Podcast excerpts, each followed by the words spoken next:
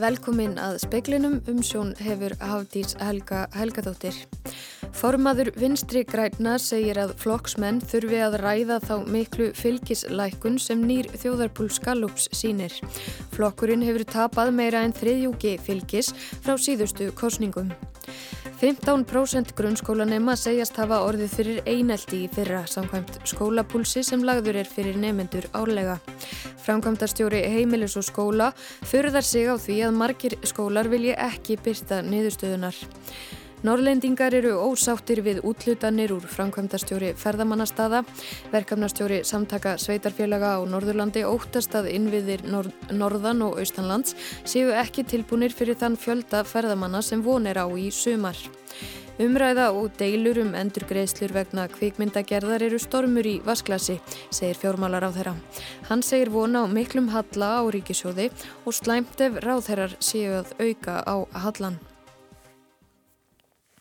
Fylgi vinstri græna heldur áfram að dala og hefur ekki mælst minna á landsvísu síðan í aðdraganda alþingiskosninga 2013, samkvæmt þjóðarpól, þjóðarpúlsi Gallups.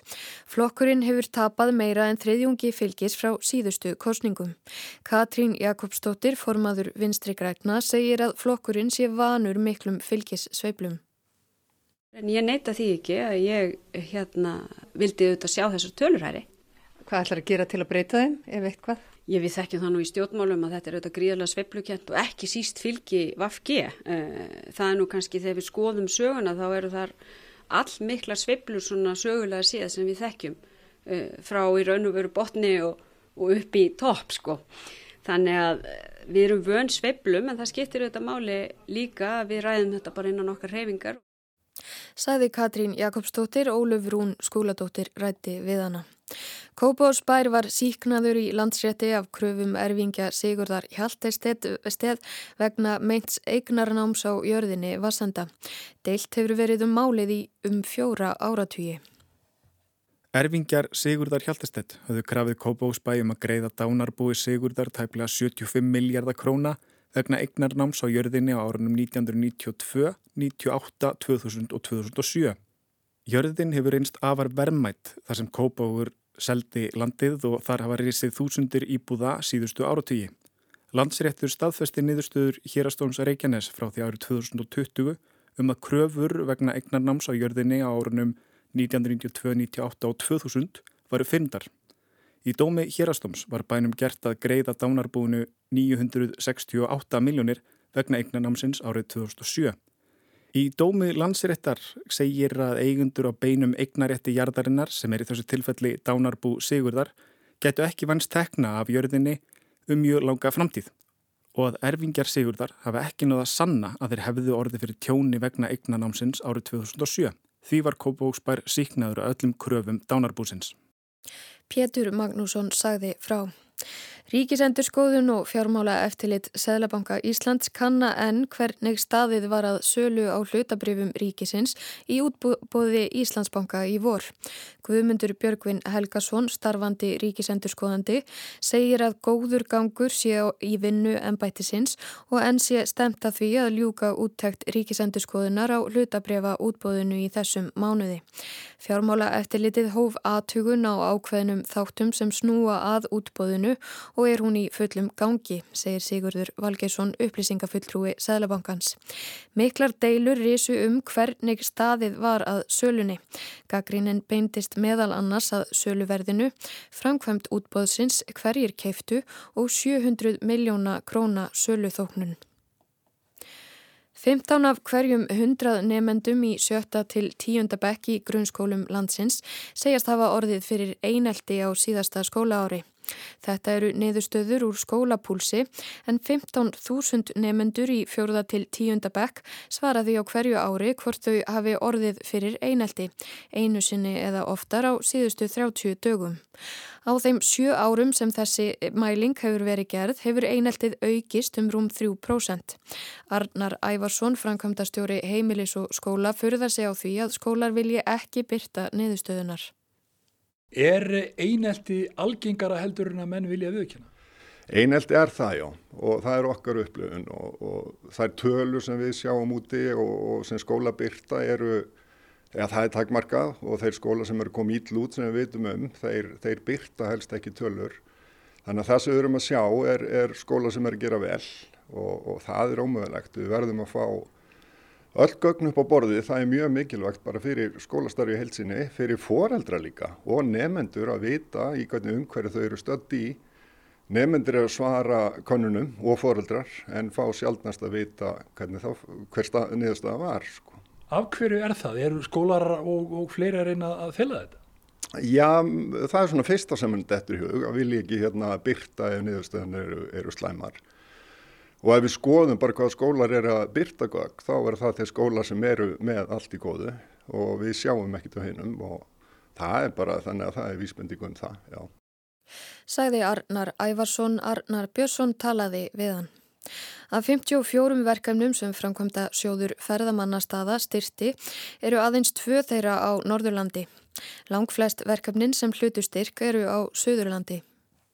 Hæstu styrkirnir sem veittir voru í ár voru rúmlega 55 miljónir króna og fóru í framkvæmdir á fossabrekkum við ytri rángá og til að bæta öryggi og aðgengi við Norðurfjörðarhöfn. Rebecca Kristín Garðarstóttir, verkefnastjóri samtaka sveitarfélaga á Norðurlandi Eistra, gaggrínir að lítið hluti styrkvitinga úr framkvæmda sjóði ferðamannastada renni til verkefna á svæðinu. Hún segir þetta ekki einstæmi. Þetta snýr ekki bara að útlutinu og fara aðkvæmda sjóði ferðamannastaða, heldur líka þessu vörðuprógrami sem var kynnt fyrir ári síðan, þar sem voru valdar, valdir fjórir staðir á landinu uh, sem hengur sérstaklega útlutun og sérstaklega, sérstaklega fjármagn eðnamert til um, markasetningar og þau voru öll á Suðurlandi líka eins og svo stór hluti af útlutinu og ferðasjóði, uh, framkvæmda sjóði ferðamannastaða. Rebecca segir framgang stjórnvalda í þessari styrkveitingu ekki í takt við stefnu þeirra um að dreifa ferðamennum betur um landið. Sérstaklega ekki í ljósi þess að nú er hafið millilandaflug um akkurðaflugöll og við viljum því sjá um, þessar áherslur endur spekla það en það gera það því meður ekki í augnablikinu. SSNE og Markastofa Norðurlands hafa aukið þrýsting á stjórnvöld að veita styrki í takt við yfirlista stefnu en Rebecca segir horfurnar ekki góðar og við teljum það að innviðir ferðamála uh, ferðamástaða hérna á Norðausturlandi þeir séu ekki uh, tilbúinir undir þann fjölda ferðamanna sem við eigum vona á. Segir Rebecca Kristín Garðarstóttir, Amanda Guðrún Bjarnadóttir talaði við hana. Bjarni Benediktsson fjármálaráðherra segir ekki gert ráð fyrir frumvarfi mentamálaráðherra um endurgreislur vegna kvikmyndagerðar í fjármálaáætlun og því sé umræða og deilur um frumvarfið stormur í vasklasi. Von sé á miklum halla á ríkisjóði og slæmt ef ráðherrar séu að auka á hallan. Og þá dugur ekkert að segja að fjármálarándi bara hefði átt að retta því. Þegar við erum búin að leggja fyrir þingið fjármálaáætlun sem að teku tillit til allra ráðunita og er eh, afgreitt frá ríkistjórnini sem heildar skjál. Við erum með okkar tekju áallun og við erum með okkar útgjald áallun og hún lítur svona út eins og fjármála áallunin segir. Þannig að eh, hérna er verið að í mínum huga er þetta stormur í vasklasi vegna þess að það á í sjálfsveits ekki verið neitt tilefni, ekkit efni í ágrinning um staðrendir. Og þið ætli þá bara að breyta áætlunin eða hvað? Já, það sem við erum að benda á er að það verður ekki gert á þess að það hafi áhrif á afkomuna sem var ekki gott. En verður það gert? Það er ekki komið að því að svara því. Segir Bjarni Benediktsson, Bjarni Pétur Jónsson talaði við hann.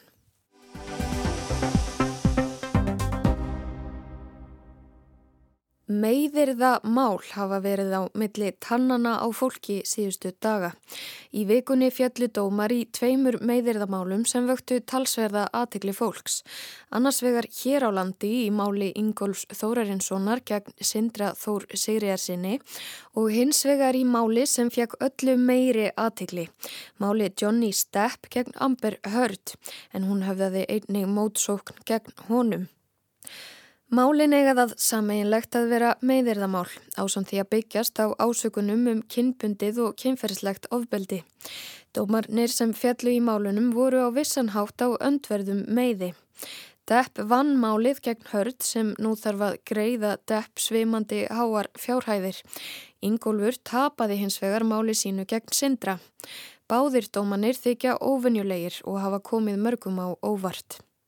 Hildur Fjóla Antonsdóttir er réttar félagsfræðingur og hefur ansakað með þetta mál. Ég verið að skoða svolítið með þessi mál þar sem myndir uh, ofbeldismenn fara þá í mál við ímist bladamenn eða þólendur eða þá þriðju aðila sem, sem þá eru eftir hérna aðila sem eru að uh, bara koma málurinn ekkit við en er að fjalla um það eh, ofta á sagt, samfélagsmiðlum uh, og ofta til stuðnings uh. Ég var endur að skoða sko frá 1999 til 2021 en, en síðan þá hafa líka fallið nokkuð mál sko en þá voru held ég um 23 mál, slík mál, þar sem var, farið var í meðra mál vegna undirlikjandi ásakana um kynfyrirsópildi eða kynbunduópildi. Aðeins eitt þeirra mála átti sér stað fyrir árið 2008 og Hildur Fjóla segir að það geti skýst að hluta til af tilkomu samfélagsmiðla. Fólk taki virkari þátt í ofinberi umræðu í gegnum þá. Ég hef sérstaklega verið að skoða dómana þar sem þeir eru að fara í mál gegn þólendum og ég held að það séu svona um sjö mál í heldina og eitt er að laug með sátt, þannig að það var ekki dómur í því.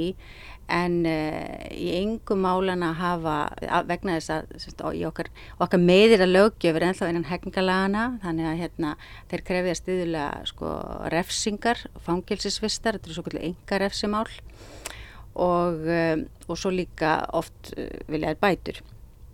Og yfirlega hafa þessi mál fallið þannig að, að þólendur eru kvorki, það eru ekki dæmdar, það eru ekki settar í fangilsi, þannig ekki, í Íslandsku dómafrangand þá er það nú ekki, ekki gert sem sagt, uh, fólk er nú ekki sett í fangilsi uh, út af meðurum, það verður ekki verið gert lengi, en uh, þær hafa ekki verið dæmdar til þess að greiða bætur sem sagt, umalegir hafa ekki verið dæmd sem sagt döð og ómerk nema í einu máli. Og þar voru tvö umalega 14 hjá þólenda sem voru dæmd döð og, og ómerk. Öðru máli hafi þó hingað til gengt um þriðja aðila sem sóttur er til saka vegna ummæla um meint kynferðisabbrott eða kynbundið ofbeldi. Því hafi síknudómurinn í máli Ingólfs gegn Sindra Þór komið á óvart. Ég held svona mörgu leiti að það er þetta málan í bandaríkjónum sá dómur kemur runni á óvart og sama tíma eða sko hérna á Íslandi í rauninni kemur þessi dómur líka svolítið óvart vegna þess að það hefur verið svona svona vist vera svolítið þannig í dómafrænganda á Íslandi að sagt, þriðju aðilar standa miklu veikar heldur en þólendur sjálfur sko í þessu meðramálum og við erum alltaf með þó nokkuð marga dóma sem þriðju aðilar hafi verið dæmdi til þess að greiða uh, bætur. Þannig að, hérna, að þessi íslenski tómur uh, sem fjall núna í vikunni, hann er svolítið, hann er svolítið sérstakur. Að, að þarna hafi raunni þriði aðili ekki verið dæmdur uh, til þess að greiða bætur.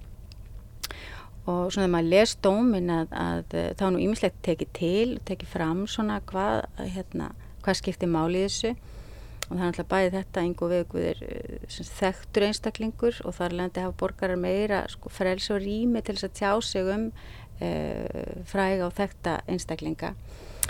Um, en síðan það sem er líka svolítið tekið til þarna í, í dómunum og það er rauninni bara það að, að uh, Sindri þá hafi sagt, leitt næla líkur að því að hann hafi verið í góðri trú uh, um umhali sín að þegar hann hafi verið að, að fjalla um yngum viðguð á ofnbjörnum vettvangi sem einstakling sem hefur samfæri rauninni við börn, það er rauninni það sem þetta snýst um að eh, dómurinn líður svo á að, að, hérna, að hann hafi verið í góðri trú eða líkurnar séu, séu þær að hann hafi verið í góðri, góðri trú um þau, um þau umali.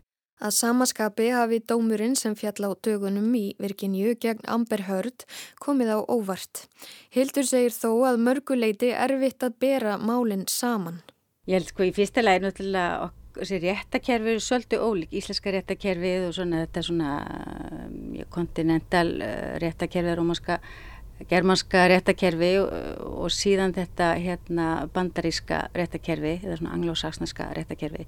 Það er náttúrulega svona, þetta eru svolítið ólík kerfi og uh, í bandaríkjunum eru náttúrulega alltaf með þennan fræga kviðdóm og, uh, og það er náttúrulega svolítið áhugavert að fylgjast með, með þessu Johnny Depp og Amber Heard uh, máli í bandaríkjum. Mér skilst nú að svona einn helsta ástæðan fyrir því fjölmjöla fári er náttúrulega þau eru náttúrulega mjög fræg og allt það en hann fór líka fram á það og hans, hans lögfræði teimi fór fram á það að réttarhöldin yrði, þeim yrði sjónvarpað sem sagt og uh, hennar lögfræði teimi fór fram á að það yrði ekki gert en, en uh, hann mann það. Þess vegna hefur við svona, já hefur þetta verið svona, já tekið yfir fjölmjöla að einhverju leiti núna síðustu vikur sko. Og, uh, og svo verðist líka vera að, að hans teimi hafi lagt mjög miklu áslá það að hérna að runni fara í svona herrferð gegn henni á samfélagsmiðlum. Og ég held að við hefum ekkert farið varhluta því að það hefur verið stöðugt memes og, og annars slíkt svona klippur úr réttarhöldunum sem eru látið ganga og, og koma eða mjög ítla út fyrir hana sko og uh, í því máli líka ég held að það var uh, sjömanna kvöðdómur og það voru fimm kallar og tvær konur. Og kviðdómurum var ekki einangraður eins og stundum er gert í svona uh, high profile málum í bandarækjónum vegna þess að það er tölur verið líkur af því að kviðdómur geti þá orðið fyrir áhrifum á þjóðfélagsumræðinni eh, en þó svo að kviðdómur hafi verið beðinum að líta ekki á fréttir og svo framvegis að það var náttúrulega líkur af því að, að það hafi ekki tekist vegna þess að þetta hefur náttúrulega verið alls þar og þannig að það má nú ætla og þetta er nú svolítið sérstakur dómur held ég og, og það hefur nú verið bent á það svona lögfræðingum ellendis að hann gangi svolítið í uh, báðar áttir því að bæði er í rauninni Johnny Depp þarna dæmdar hérna, bætur, hún þarf að borga honum 15 miljóna miljónir dollara held ég og, og 5 miljónir af þessum 15 eru sko refsibætur fyrir meðrið sem sagt og á sama tíma er honum gert að greiða henni 2 miljónir dollara fyrir uh, sem sagt meðriði líka. Og, og hún sakar hann um að hafa hans lögfræði teimi að hafa, að hafa talað um það ofnbeli eða ásakaðan ofnbeli um það að hafa sett í rauninni uh, þessar ásakanir um heimilsofbildi á svið, þetta sé rauninni sviðsett hjá henni. Uh, hún vinnur það hluta til sem sagt og sama tíma er, er tapar hún því að, að hún skrifar hérna grein í Washington Post á sín tíma þar sem hún fjallar um það að hafa orðið fyrir heimilsóbildi og er nú að fjalla um það bara í tengslum við bara ofnbæra umræðu og held einhverja lagabreitingar sem voru, voru svona í farvatninu á þeim tíma. En nefnir hann ekki á nafn sko e, þó allir hafi talið sér svona geta, getið, getið sér til um, hver, um hvern rætti en um, Já og hann, uh, sagt, það er talið að hún hefði, eða kvittumurinn telur að, að, hérna, að með þessari umfjöllun hafi hún gerst viðrinni segum um meðrið og, og verið þá skadabóta skild. Þannig að dómurinn gengur svolítið í tvær, tvær áttir sko, þetta er ekki mjög, mjög skýrst en mér skilst nú að þessum dómi verið áfríðað og uh, manni grunna nú að hann mun nú ekki endilega hérna, sem sagt, að nýr dómur muni mögulega líta, líta öðruvís út. Dómurinn er á skjön við dóm sem hafi fallið í Breitlandi í máli Depps gegn blaðinu The Sun fyrir ummæli fjölmiðilsins um meint ofbeldi hans gegn hörd.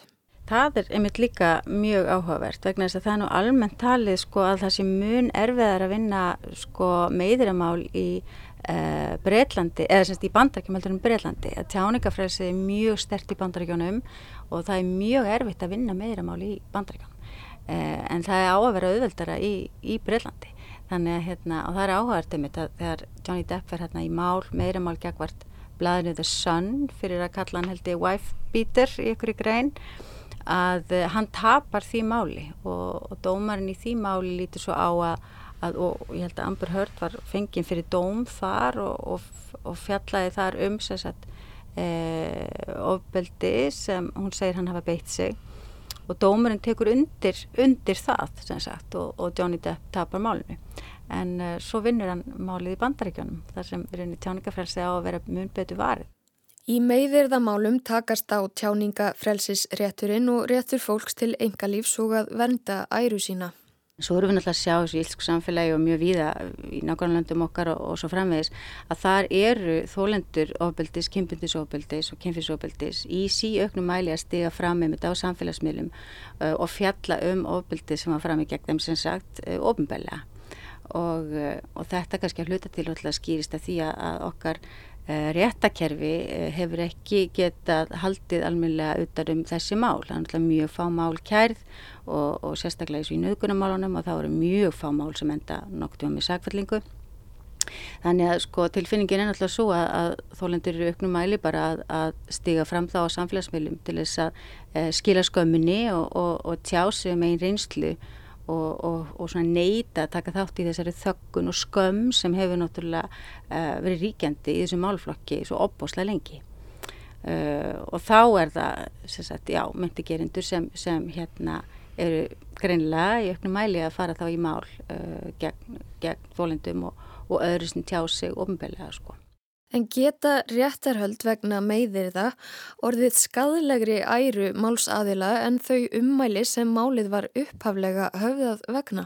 Já, maður allavega hefur síðum að þólendur sem hafa sem sagt, upplefa það að myndir ofbildismenn fari mál gegn þeim sko að uh, þær hafa talað um það ofnbeglega uh, að þær upplifið þetta raunni sem áframhaldandi ofbeldi.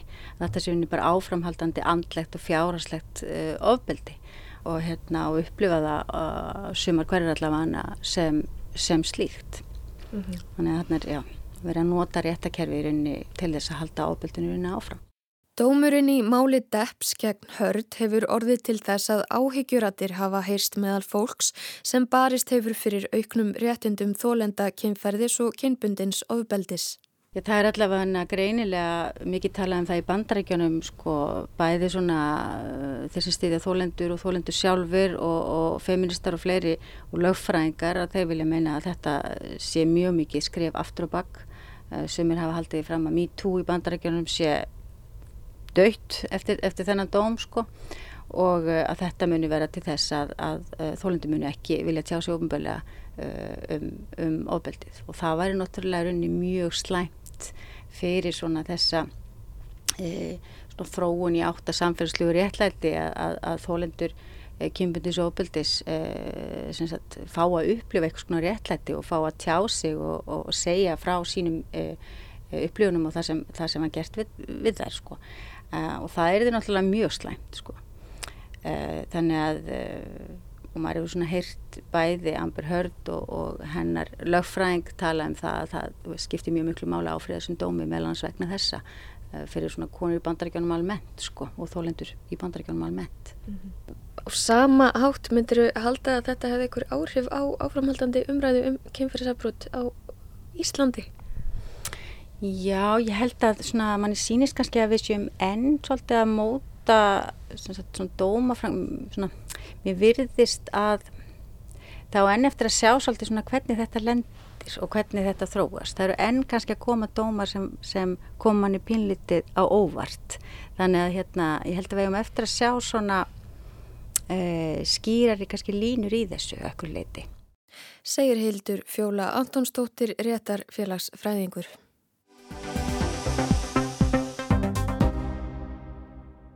Horfur á að komur erlendra ferðamanna í sumar verði ávið það sem var árið 2019 fyrir faraldur.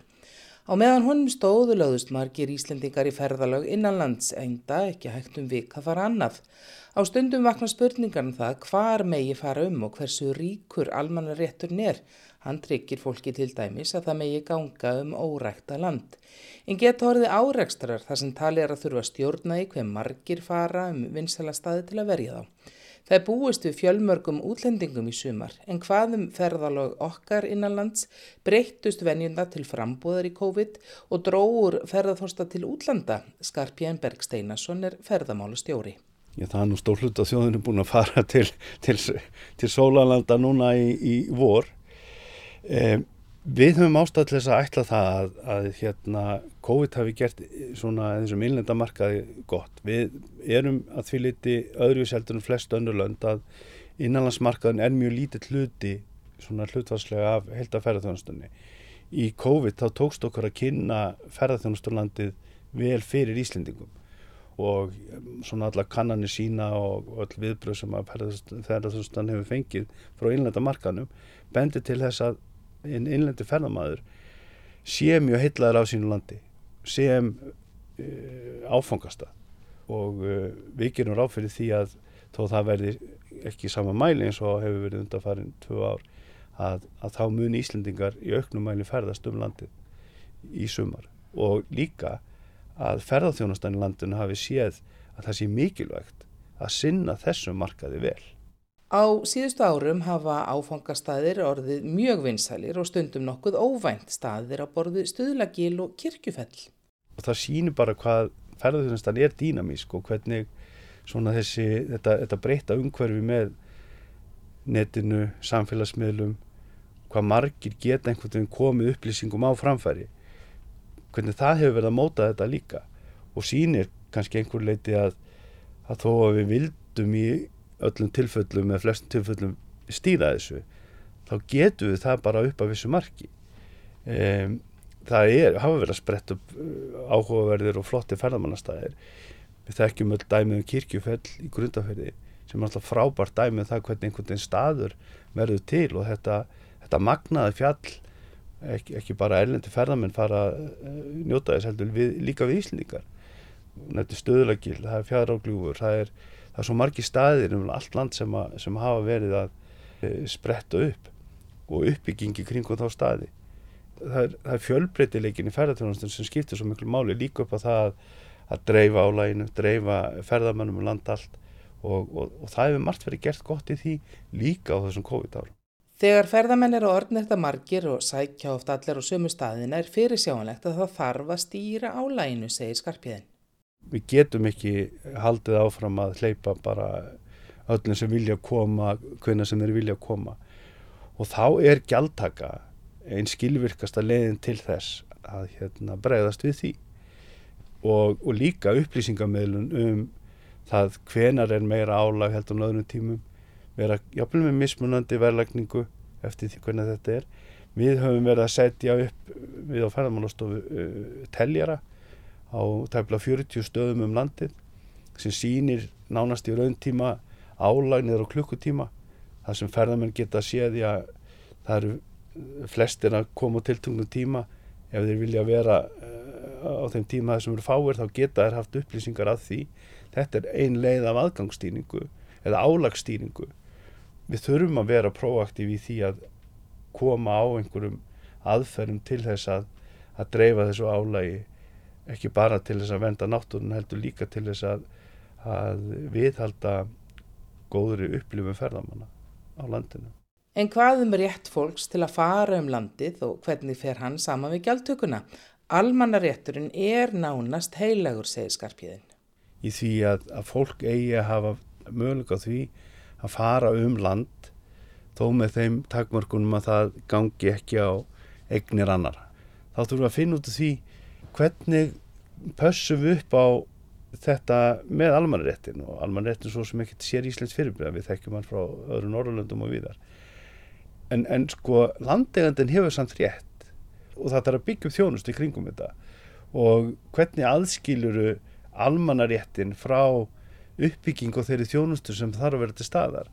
Við, við kynntumst þessu í vanandi farandarsfjall þar sem þú þurft að byggja upp innviði.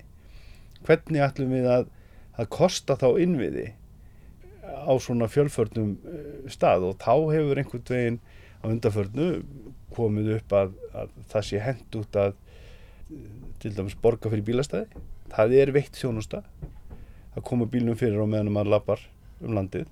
Og síðan þá líka gungustíða gerð og annað slíkt sem að kemur í veg fyrir að, að fólk far, fari sér á voða leðbynningar um slíksvæði þannig að þetta er viðfangsefni sem við þurfum að fara í svona með, með uppbyggilum, uppbyggilum hætti til þess að einhvern veginn að reyna að ná utanum hann og venda almanréttin.